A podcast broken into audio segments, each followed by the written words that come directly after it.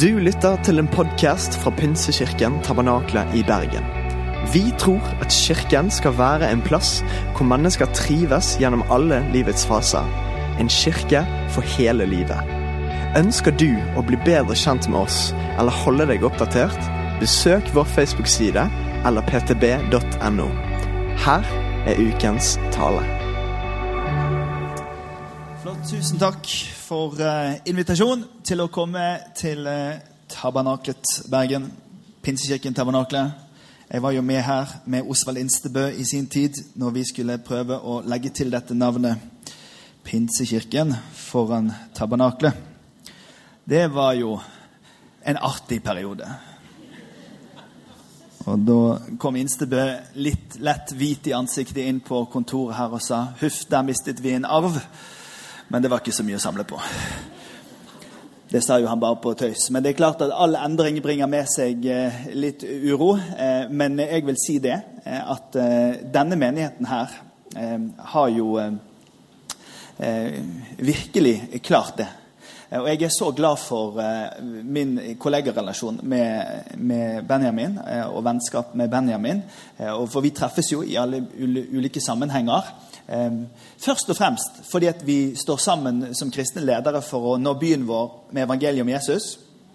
Og med en erkjennelse av at vi representerer jo et, eh, en, en åndelig bevegelse, denne pinsebevegelsen, som etter hvert er blitt en, en, en eldre dame, men i et kirkehistorisk perspektiv fortsatt er en ung en. Eh, og Instebø eh, eh, inviterte Svartdal til å komme hit og tale den dagen vi skulle åpne det som da het Bergenskirken, i 2004. Og I talen sin her så sa Egil Svartdal det at det er imponerende at en såpass gammel dame fortsatt får barn.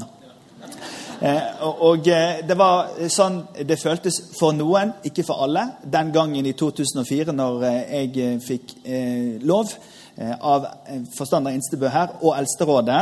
Eh, og det var selvfølgelig både sterke og negative følelser hos mange også rundt det, at jeg skulle gjøre den jobben av å starte en ny menighet.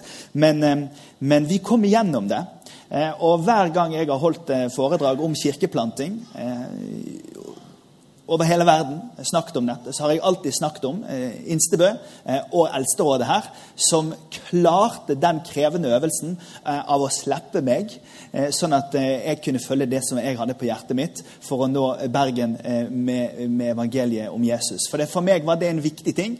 Når jeg kom ut fra studiene mine i USA, jeg studerte teologi i mange år, Eh, og sett på alle forskningsrapportene om hva som må til for hvordan man skal klare endringsprosesser og sånn, så levde jeg med en sånn klar opplevelse at um, skal dette gå, skal jeg, skal jeg få en sjanse til å nå, nå fatt i de folkene med de andre etternavnene, de som ikke har en kristen kulturbakgrunn, de som er annerledes enn oss som er pinsevennere i Bergen, eh, så må jeg prøve med en litt med å legge breisida til og prøve helt på nytt igjen. Og Det fikk jeg mulighet til å gjøre, og det er jeg utrolig takknemlig for. og Det takker jeg for dere i dag. Eh, fordi det har jo gått bra, det. Eh, vi, har fått, eh, vi, har jo fått, med oss masse folk eh, som, eh, som, har blitt aktive kristne igjen. Eh, og veldig mange som har kommet til tro på Jesus. I fjor var det 152 stykker i kirken vår som sa at dette vil vi. Og det er jo ikke alle de som blir med hele veien, men det å ha et driv i en menighet i det sekulære Norge hvor vi sier at vi er her fordi vi tror på Jesus. Og vi tror at evangeliet om han er bra for Ola og Kari å høre. Eh, og vi gir oss ikke før eh, det blir synlig og tydelig i denne byen med evangeliet om Jesus. Tatt med et bilde av en huske her, bare for at vi alle sammen skal huske. Eh, noe som grunnleggeren av pinsebevegelsen sa, Thomas Baal Barrat. Han sa det at vi må frem han, til urkristendommen. Og Det Barrat sa, er jo grammatisk helt feil. Jeg har vært på doktordisputas i teologi, hvor opponenten mot eh, en venn av meg som skulle ta doktorgrad, sa det er grammatisk feil at man skal gå frem til noe som ligger bakover. Og Da reiste det seg en annen opponent og sa det var helt umulig for Thomas Baal Barrat, som brakte pinsevekkelsen til Europa, å si at vi skulle tilbake til urkristendommen. Det var så mye driv fremover at det blir altfor eh, reaktivt å si vi skal tilbake. Vi må fremover til den måten vi ser i denne boka her, at vi kan være kristne i vår tid. Og Da syns jeg at denne husken, denne dissen som vi sier i Bergen, er den beste illustrasjonen på det. Vi må bakover for at vi skal gå fremover. Vi må tilbake til en original oppskrift for at vi skal gå fremover. Og jeg har jo måttet eh, skyggebokse med alt mulig slags eh, ulike ting opp gjennom årene. Ja, ja, men han er så akademisk, og han bruker sånn forskning, og han snakker om sånn og sånn. Så sier jeg nei, nei, nei. Vi kan lære av sosiologien og antropologien og psykologien, men det er denne boka som veileder oss i hvordan jobben skal gjøres. Det er denne boken som viser oss i Amazonasjungelen og i finansdistriktet på Manhattan eh, og i eh, kunstmiljøet i Los Angeles, eller her i verdens våteste by, hvordan vi skal bygge den kristne kirken. Og Derfor så får vi alle sammen mandat til å bygge menighet. Ut ifra våre egne liv og i vår egen forsamling, basert på det som står i denne boka. Eh, vi bygde hus ute på på, eh, på Søreide der eh, da jeg var ungdomspastor her. Eh, og det var kjempeflott. vet du. Og vi sånn, og hus, og det var veldig gøy og veldig dyrt. På den tiden så kostet jo et rekkehus 1,7 millioner kroner. Og vi trodde jo at vi skulle gå konkurs. vet du. Sant? Nå koster det 17,7 millioner. Så, og Jeg kommer jo fra bondeslekt på begge sider og har jo alltid tenkt om meg sjøl at eh, gårdbruker det tar jeg med venstre hånd. sant? Så når vi var ferdige å legge sånn plenområde eh, der på baksida av huset, eh, så var jo det april. Nei, unnskyld, august. Og det som er utfordringen i Bergen i august, det er det at da begynner monsunen. Sant? Og den monsunen varer til 31. juli neste år. Og så begynner den på igjen da 1. august igjen. Eh, eh, og jeg eh, og fruen sa jeg vil ha grønt gress i hagen. Kan du farge det der? Farg, farg hagen, sier hun. Hun er ikke fra bondeslekt. Så, så, jeg er ute der oppe på plantasjen, kjøper det de har av plenfrø. Altså, jeg dopet den, den gressplenen der som en russisk eh, idrettsutøver. Ikke si det til noen russere. Men altså, jeg kjørte på med ting nedi. Det skjedde absolutt ingenting. For det regnet og regnet og regnet. Men jeg var ute og jobbet. Jeg fikk det ikke til. Så gikk vinteren, og, så, og da snør det ikke, sant? så det så ikke klokt ut. Og fruen var sinna og sånn. Og så kom eh, april. Og da var jeg, husker jeg var i Ålesund og talte på noen møter. Og når jeg kom hjem igjen da, i slutten av april, så, eh, så var det grønt i hele hagen. Og jeg hadde gjort ingenting, men det var grønt overalt i hagen. Og da skjønte jeg at jeg la frøene ned i en temperatur som ble kaldere og kaldere og kaldere, og ingenting skjedde med det som jeg hadde sådd der. Men når eh, temperaturen endret seg, så var frøene fortsatt de samme. Jorda var fortsatt den samme, men fordi temperaturen endret seg, så begynte det å vokse. Og Da tenker jeg om Den kristne kirke, om Tabernakle Bergen, om menighet og bedehus. Kan det være slik at når Markus kapittel 4 lærer oss at Guds rike vokser ved at en såmann går ut for å så, og han sår overalt Men når han har sådd, så skjer det noe av seg selv. Det vokser. Kan det være slik, venner, at det, den temperaturen som fins på den plassen hvor det har blitt sådd, er avgjørende for om det vokser eller ikke? Altså, Kan det være slik at det meg og deg kan bidra til at temperaturen går opp og blir så varm at de frøene av evangeliet som blir sådd, faktisk tar tak i jorda og vokser. Det tror jeg på. Derfor så tror jeg fortsatt på oppskriften til Thomas Boll Barrat, som sier ikke prøv å være så oppfinnsom. Ikke prøv å finne et markedsføringstriks. Ikke prøv å gjøre dere pen. Ikke endre teologien så mye. Nei, gå fram og tilbake, og så fram igjen også tilbake. Vi leser fra Apostlenes gjerninger, kapittel 2, vers 42. Det kommer på veggen her også. De holdt seg trofast til apostlenes lære og til fellesskapet. Til brødsbrytelsen og bønnene. Hver og en ble grepet av ærefrykt, og mange under og tegn ble gjort av apostlene. Alle de troende holdt sammen og hadde alt felles. De solgte eiendommene sine og det de ellers eide, og delte ut til alle etter som hver enkelt trengte det. Hver dag holdt de trofast sammen på tempelplassen, og i hjemmene brøt de brødet, og de spiste sammen med oppriktig og hjertelig glede. De sang og de lovpriste Gud, og de var godt likt av hele folket. Og hver dag la Herren til nye som lot seg frelse. Dette er jo helt fantastisk. Altså, tenk hvis det var sånn. Dette minner om et sånt bilde som småbarnsforeldre legger ut av barna sine på Facebook. Hvis du legger merke til på Facebook hvor utrolig ren og pen i tøyet de fleste småbarn er, så er det nesten så du lurer på om de lyver. For det er ikke et, en barnefamilie som legger ut et bilde med gulp overalt på disse ungene sine. fordi at i denne kulturen som vi er i i dag, har vi tatt med oss det som fra min oppvekst Jeg husker jo jeg husker jo når vi skulle ta fotografi i gamle dager. Da hadde du, 12, du hadde 12 bilder på en rull, eller 24. Og du hadde jo bare én sjanse. Og vi kunne ha et sånt familieselskap, og så kom alle tantene ut og av med forklene sånn, og så stilte man seg, og alle så kjempeglade. Som oftest så var de glade. Min mor er her nå og hører på. altså. Som oftest så var de glade. Men et Kodak-øyeblikk, husker dere det? Et Kodak-øyeblikk, det er det perfekte øyeblikket som gir deg et inntrykk av at dette er jo bare helt fantastisk. Og Det vi akkurat leste nå, er litt mer fantastisk enn i hvert fall i den menigheten jeg er i. At alle bare deler ut, og, og folk liker de. Og, men allikevel så er det noe å strekke seg etter. Og i den teksten her dere, så ligger det noen element som kan hjelpe oss å forstå hva er det som må inn for at en kirke skal fungere godt i den tida vi lever i. En menighet skal fungere, og det skal jeg bruke mine minutter på å si noe om. Og Grunnen til at jeg snakker om dette i dag, det er at jeg har behov for å dra en linje ifra når jeg var ungdomspastor her, til Grunnen til at min tanke som gjorde at liksom, dette bare må jeg gjøre, for å gi også menighetsbredden her et innsyn i sånn her er det han egentlig tenker om menighet, så vi kan sove godt om natta. Jeg skal få opp et bilde av en bergenser her i midten først. Dette her er Børre fra Bergen, eller Bente fra Bønes. Dette er et menneske. Dette er naboene mine. Dette er naboen din. Dette er vår venn som ikke tror så mye på Gud og sånn, og vi sier om mennesket i dag i Norge at det er en, en individualist.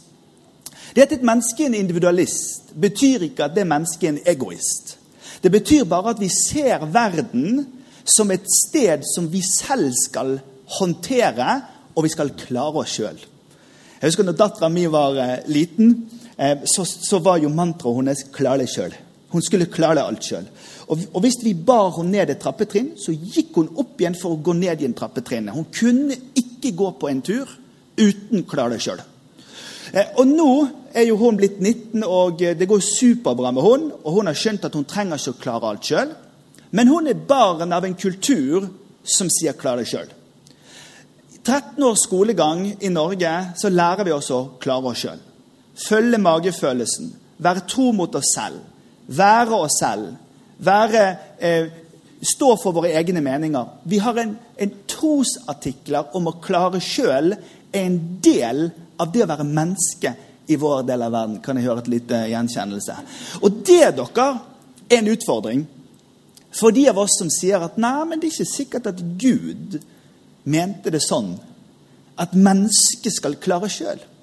Fordi vår Gud er tre i én og én i tre. Han er relasjonell, og han sier alle trenger noe og noen i livet sitt for å klare seg. Så hvis du tenker på denne personen nå Vi har mange sånne i kirken vår som har blitt en del av vårt fellesskap. Og da har jeg sagt det er noen ting de skal merke når de kommer og blir en del av den kristne menigheten. Og det første er at de skal merke det, at i vår kirke så forkynner vi Guds ord. Det første ingrediensen som må inn for å endre et menneske sitt liv, er at vi tror på Guds ord. Vet du, jeg er vokst opp i, denne, i, i, pinsebevegelsen. og Det er ikke alle i dette rommet som har et forhold til pinsebevegelsen. Det høres jo litt rart ut, dette navnet. Men bare grovt fortalt så er det rett og slett en, en, en ganske ung fornyelsesbevegelse som på rundt 1920-tallet i Norge begynte å starte menigheter, deriblant denne, som kom i, i 1920.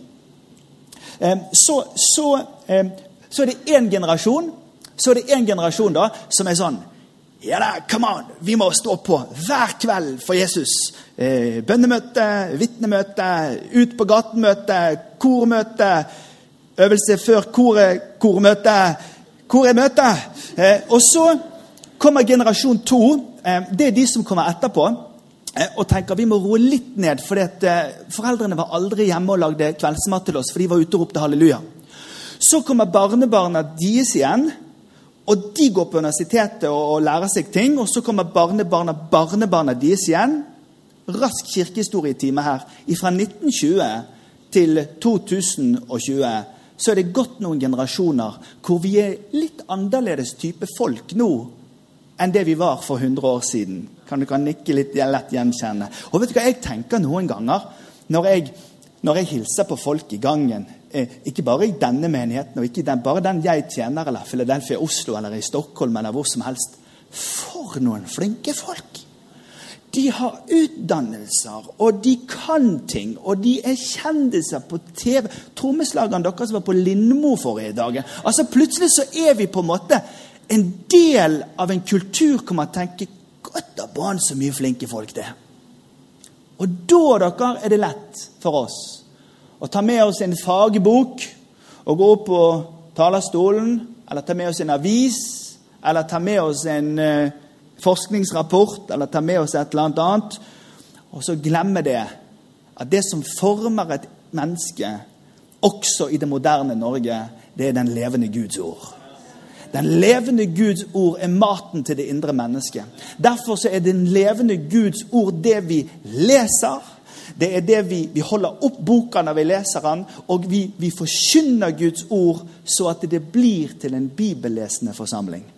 For hvis folk begynner å konsumere en religiøs event hvor det er gøy og underholdende, ja, da dør vi en sakte død som kristenfolk i Norge.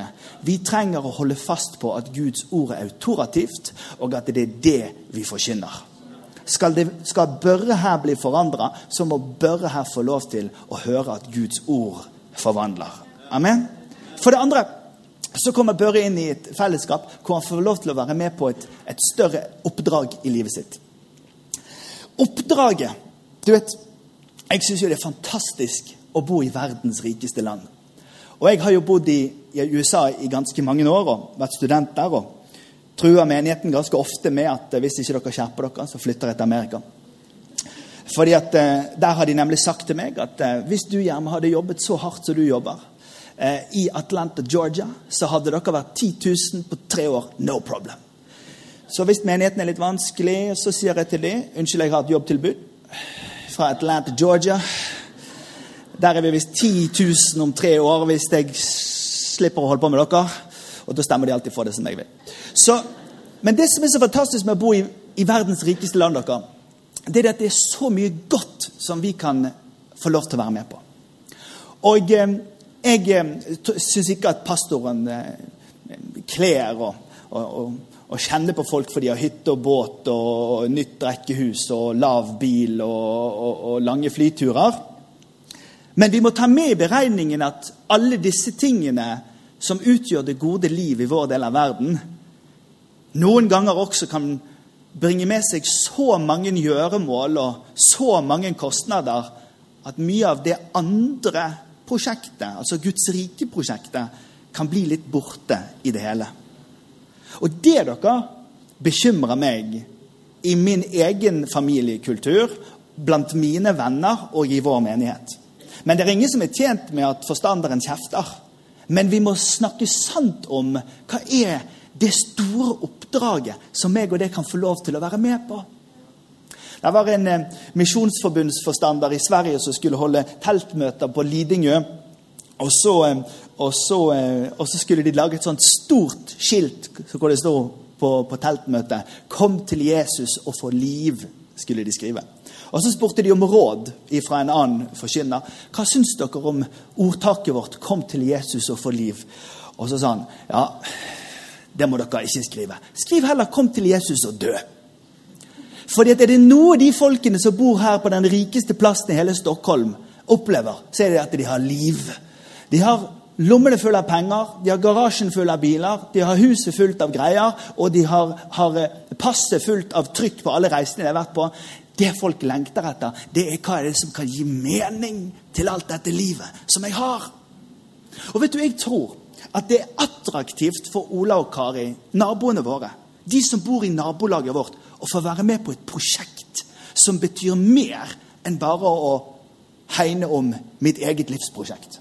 Det er så mange familier, også nye i troen, som, som, som, kommer og stiller seg på asylfesten som vi har hver jul. Og så sier de dette er den viktigste dagen i året for oss. Vi alle hjelper til fordi det handler om noen andre enn oss. Eller kampen imot menneskehandel. Eller det å gjøre en ekstra basarinnsats for misjonen. Ola og Kari lengter etter å få lov til å delta i noe som går utover det som handler om bare meg og mitt. For det blir veldig trangt når man bare fyller på og fyller på og fyller på. Jeg reiser jo litt rundt i dette landet. Mange mener for mye. Eh, jeg sier at det er det som må til, eh, å reise litt rundt. Eh, min sønn spurte meg en gang pappa, hva er det du driver med på disse pastorferiene dine. Og det var jo ikke akkurat ferie jeg har vært på. Men det som jeg merker da, det er at eh, dette perspektivet av hvordan vi forstår livet, det, det, det, går igjen da i landet vårt. Jeg tok med en liten tegning til her om en trekant der. Opp i livet vårt så, så er Jesus. Eh, og Jesus han, han er orienteringspunktet for, for, mitt liv. Jeg har sagt det mange ganger her i Tabernaklet og på LED-konferansen vår at når jeg var ungdom her, og vi og evangeliesenteret Vekkelsen med rusmisbrukere kom på 80-tallet, da var det en veldig spesiell tid for oss som var barn i denne menigheten. Fordi at det, Vi var jo rene, pene folk. og sånn, sant? Vi hadde jo liksom kommet oss ovenpå på 80-tallet, bygd pent lokale. Og plutselig så kom det masse sånne som, som var rusmisbrukere og, og alkoholikere. og både de, de luktet rart, og de snakket rart, og de sa halleluja på helt feil plass. Sant? Og vi satt her, og, og vi kvapp og de sang feil. Men, men vet du Den hjertefølte begeistringen for at Jesus har gitt meg et nytt liv, den kan komme i feil toneleie. Den kan komme med feil aksent. Den kan komme med feil lukt og feil farge. Men Jesus er den viktigste. Det som skjer når Jesus er viktigst, det er at inn i menigheten vår dere, så blir vi sånne som deltar. Vi blir sånne som gir, vi blir sånne som tjener i menigheten vår. Vet Du du slipper å organisere en menighet som er helt tent for Jesus. Fordi at tenningen for Jesus gjør at da blir menighetsfamilien viktig for meg. Og Da kan vi bare anta det, at det som skjer på mandagen på jobben, det er at vi deler om det vi har vært med på, og vi snakker om troen vår eh, på, en, på, en, på, en, skikkelig måte. Så dere vår nye like, sånn det der, eh, bistandsminister? Eh, tidligere finansbyråden vår, Ulstein, han var på Torp her forrige kvelden på NRK. Altså, vi har jo ikke sett noe, Han har jo ikke gått politikerskole, så han ga jo bare gass.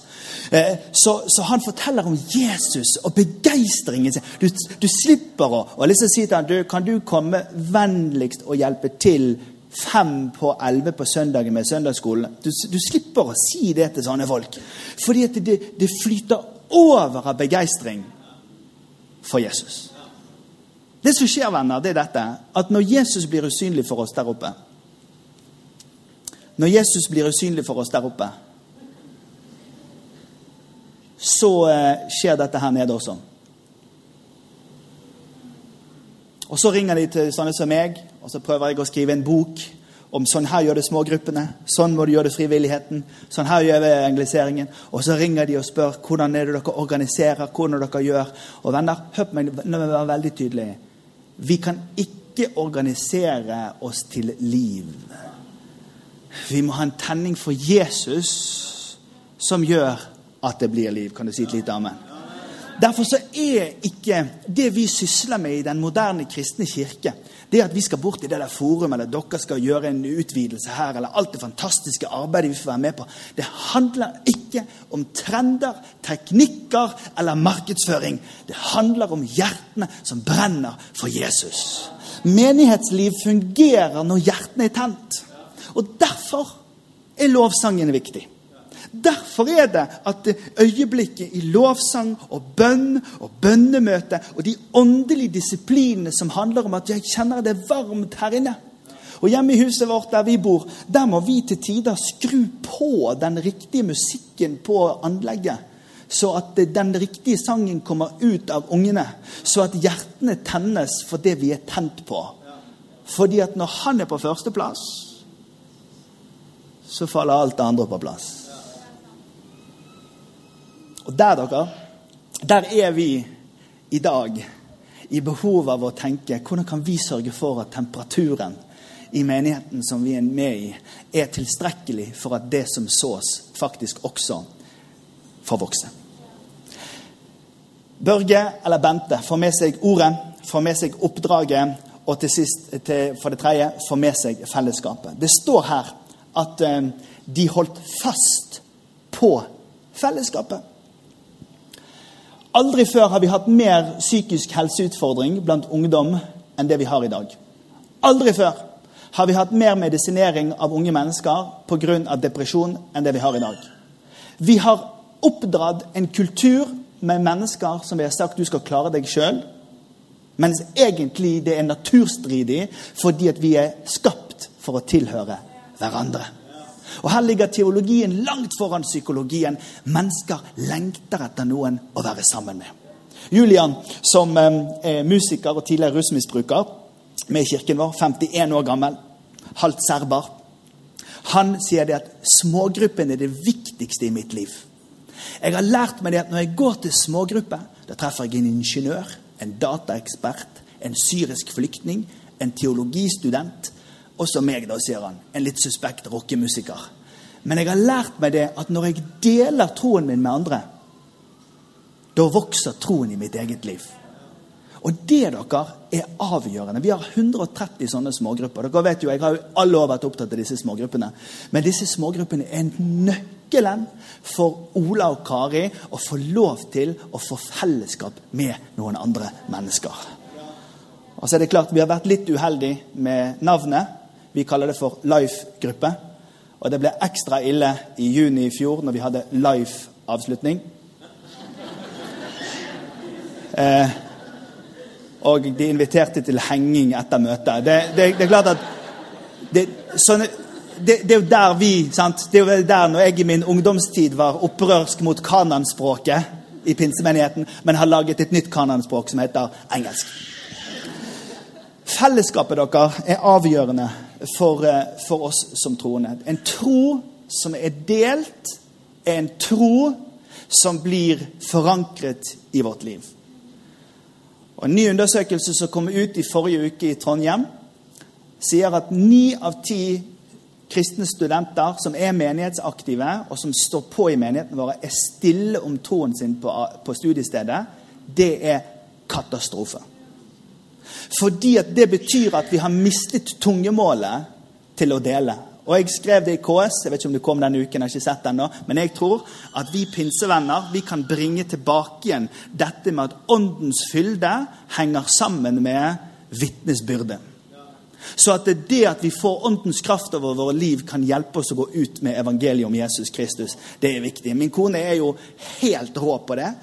Hun eh, var og talte opp i Nidarosdomen forrige helg eh, om det å være kristen, eh, men jobbe i næringslivet.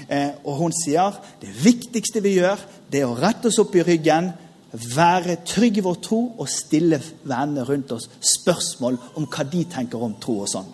Og vet du, Det går ikke en uke før hun sprø konen min har vært i en eller annen fantastisk samtale med noen som ikke går i en kristen menighet, men rett og slett bare fordi at hun eh, har i seg den der fellesskapsbroen av Når du får en venn, så kan du gå på den broen av vennskap over, og så kan du dele evangeliet om Jesus. Bente Børre har ord i sitt liv har et eh, nytt oppdrag i sitt liv og har et fellesskap i sitt liv. Og så står det de holdt fast på brødsbrytelsen og bønnene.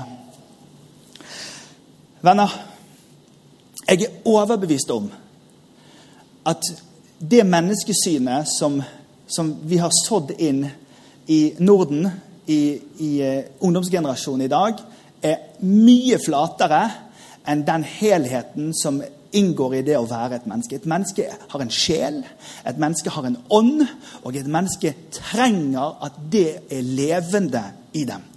Hvilken annen arena enn den kristne kirke fins der i samfunnet vårt som kan si Vet du, har du en utfordring i ditt liv, der fins en Gud å be til. Har du behov for å få klarhet i dine tanker, der fins en ånd som kan fylle deg. Jeg er stolt jeg, av å være en åndsfylt kristen. Jeg er stolt jeg, av å komme fra en pentekostal tradisjon. Og som jeg sa til Bergens Tidende her tidligere, Folk idiotforklarer oss fordi vi taler i tunger. Men det er en misforståelse. Tungetall er et språk over det rasjonelle, opp til himmelen. Ikke under det rasjonelle i en eller annen type idioti. Gi meg 15 minutter når jeg ikke vet hva jeg, skal, eh, hva jeg, hva jeg skal tenke eller tro. Når jeg ber i ånden og er sammen med Den hellige, så klarer jeg det. Det er fantastisk. Det er fantastisk å si det til Julian, eller å si det til noen andre i kirken vår. Det som skjer da, det er at de står i midten der og så tenker de, Wow! Her var jeg helt alene i livet. Og har blitt opplært til at jeg skal klare det sjøl. Men nå har jeg fått lov til å bli med i et miljø hvor Guds ord forkynnes og gir meg tro. Her har jeg fått lov til å være med i et miljø hvor et oppdrag er større enn min neste helgetur til Barcelona. Jeg får være med og bringe liv til flere. Her får jeg lov til å være med i et fellesskap som ikke handler om meg først, men som handler om oss som tilhørigheten vi finner sammen. Og her i dette rommet så er det ikke det som psykologen sa, eller, eller ingeniøren sa, eller eh, doktoren sa, men her går det an å be til Gud om at himmelens Gud griper inn i mitt liv, for han lever. Og da spør jeg deg i min avslutning hva skjer med Bente her? Hva skjer med Børre? Når alenegangen er slutt, men vedkommende heller får lov til å komme inn i et miljø som er det som er urkristendommen da tror jeg av hele mitt hjerte at på samme måte som at plenfrøene mine begynte å vokse når temperaturen endret seg, så vil troen også vokse i de folkene som ennå ikke tror så mye. Men da, dere, da må vi gjøre det vi kan for å bidra til at de som ikke tror så mye, også kan få lov til å være med oss lenge nok til at det begynner å vokse. Det er framtiden for frimenighetene og pinsemenighetene i Norge framover. Og jeg er overbevist om at det kommer til å gå ganske så bra framover. Fordi at det prosjektet om at alle skal klare det sjøl, det er et ideologisk prosjekt som strider mot denne bokas veiledning, og denne har vært her lengst. Skal vi reise oss opp, og så ber vi sammen. Herre, vi takker deg for at du gir oss en veiledning til hva det vil si å være dine etterfølgere i en tid som denne. Og Herre, jeg ber for uh, Pinsekirken Tabernakel og alle som går etter vanlig, og de som er gjester her i dag, Herre. Jeg ber om at vi skal uh, i vårt hjerte få en økt tro, en tiltakende tro, på at det nytter å være en levende Guds menighet i vår tid. Herre, takk Herre, for at det ikke hviler på menneskelig kløkt eller ferdighet eller oppfinnsomhet. Takk at det hviler på det du allerede har nedfelt i ditt ord som en veiledning for oss. Og vi sier ja til det i dag. Herre, vi takker deg for ordet ditt. Vi takker deg for et oppdrag som er større enn vårt eget liv. Vi takker deg for fellesskapet av de troende, Herre, og vi takker deg for bønnen og brødsbrytelsens virkelighet. Og vi ber om at denne menigheten i årene som kommer, Herre, i tiårene som kommer, Herre, skal få lov til å være et sånt et varmt sted hvor atmosfæren skal være så varm at alt det gudsordet som sås ut her, skal begynne å vokse i både Børre og Bente, Herre, og i naboene våre rundt omkring i denne byen, så at ditt rike kommer, og din vilje skjer. Vi ber om det i Jesu navn. Amen.